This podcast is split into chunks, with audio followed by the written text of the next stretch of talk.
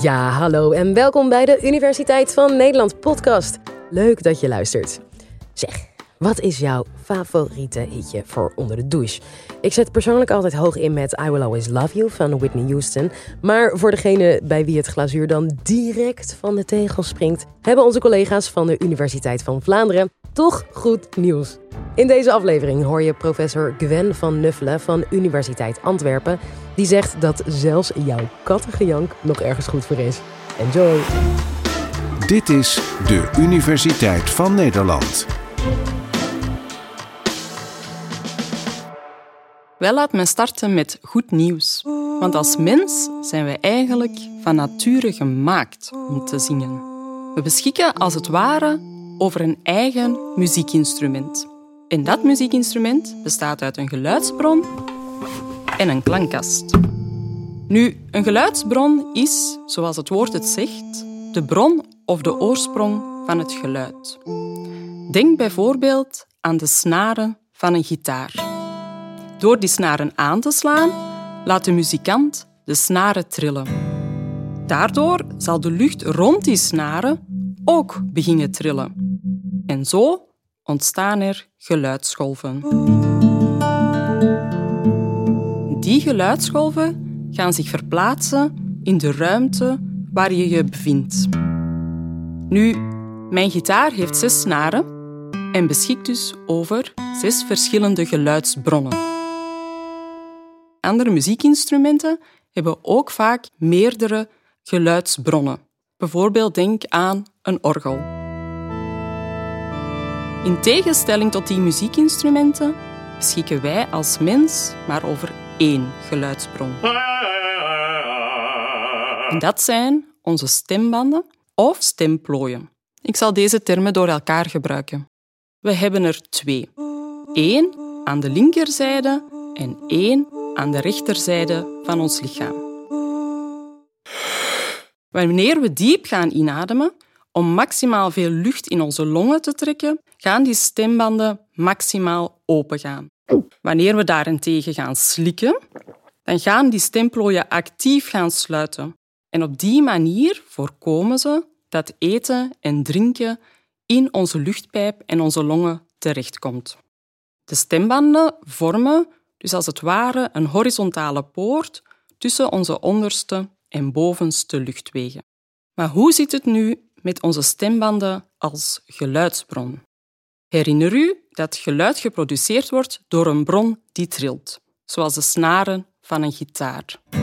Wel, onze stembanden die kunnen ook trillen. Stel, u wil stem geven. Bijvoorbeeld een mooie do zingen.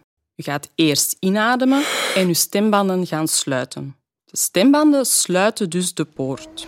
Vervolgens gaan onze longen die ingeademde lucht terug naar buiten duwen. Maar die lucht die botst tegen die gesloten deur. Aanvankelijk zal die poort veel weerstand bieden. Maar wanneer dat de luchtdruk onder die stembanden gaat toenemen, dan gaat die poort toch openen. Niet maximaal, maar wel heel kort en heel snel.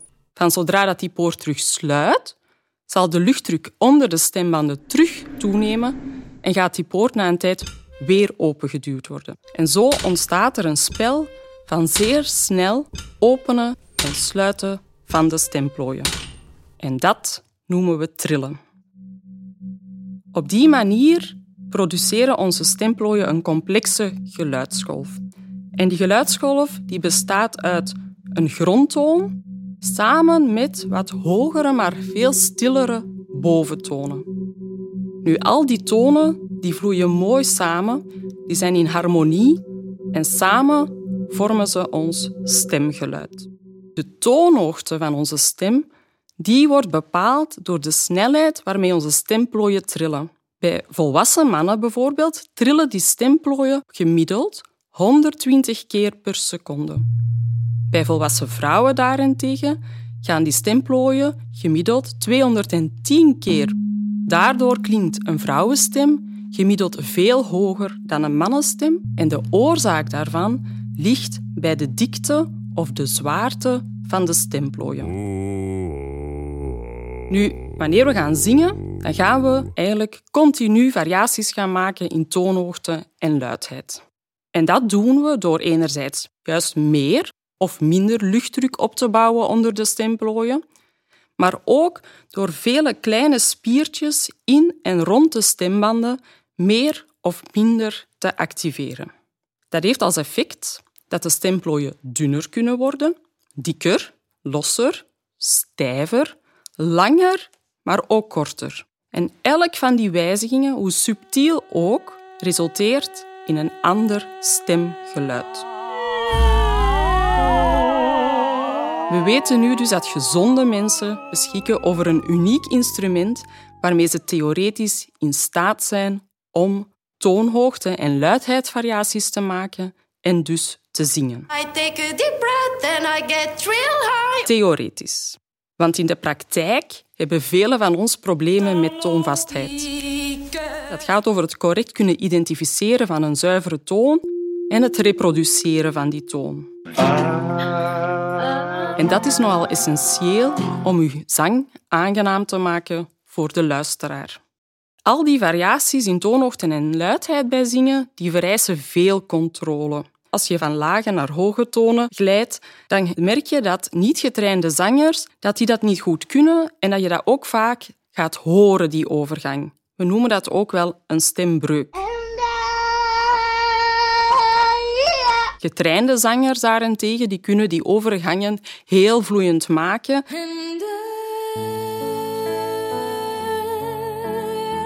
En kunnen daar ook continu met spelen. Wat professionele zangers ook kunnen ten opzichte van niet getrainde zangers, is in de hoge tonen gaan spelen met luidheid. Ze kunnen die toon zowel heel stil als heel luid gaan produceren.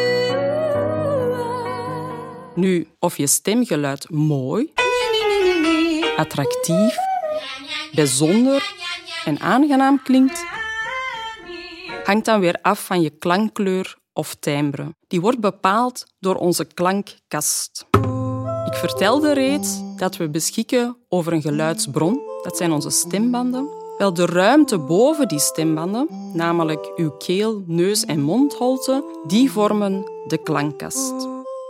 De klankkast zal het geluid dat geproduceerd wordt door onze stemplooien gaan versterken. Ook bij een gitaar is dat zo. Als ik enkel een snaar aansla zonder dat daar een klankkast onder zit, dan klinkt dat zo. Sla ik nu diezelfde snaar aan met de klankkast van de gitaar eronder, dan krijg je dit. Geluid wordt dus versterkt door de klankkast van de gitaar.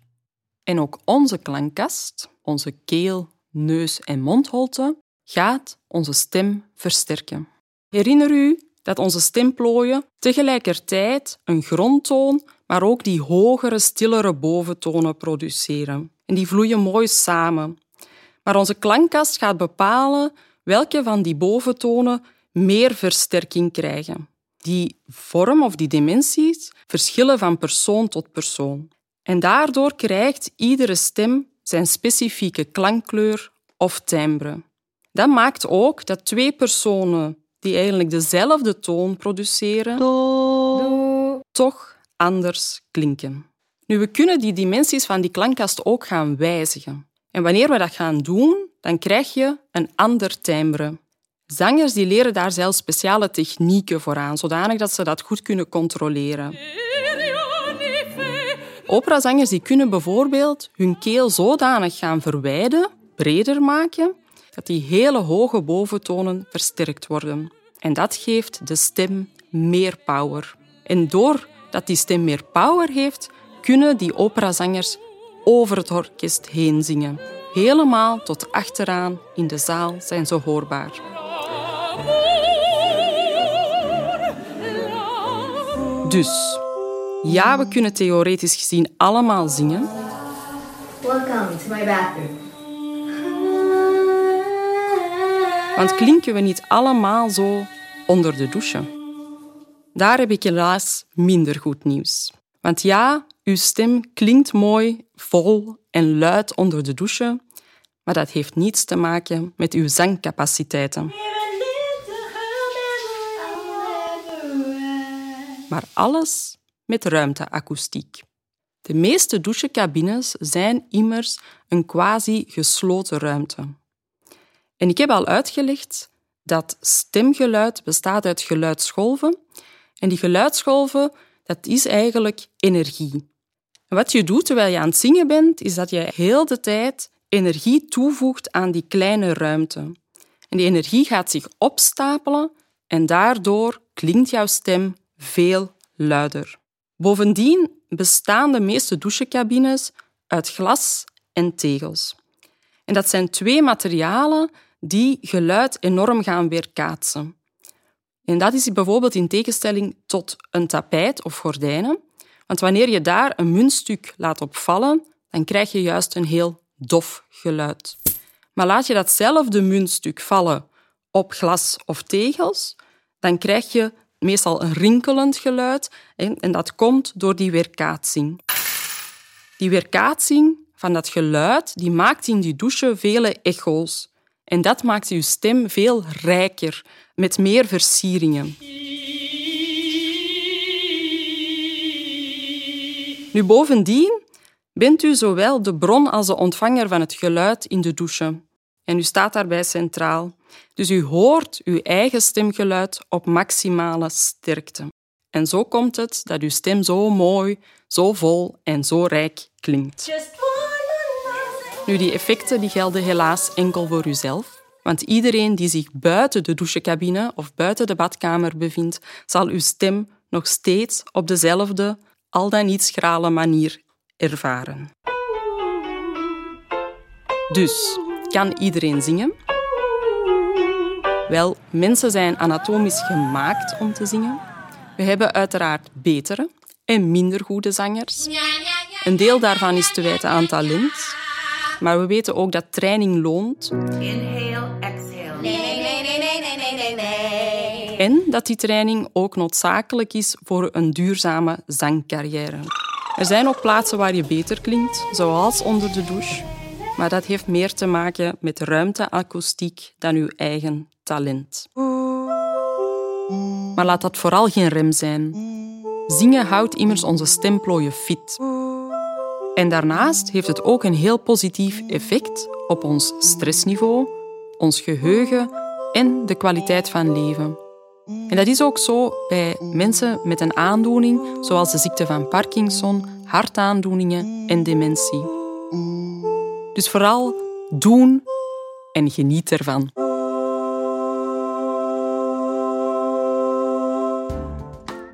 Je hoorde Gwen van Nuffelen. Ik weet niet hoe het met jou zit, maar ik snel meteen even naar de karaokebar. Tot de volgende. Dan hebben we het over het verschil tussen een mannen- en een vrouwenbrein. Joe!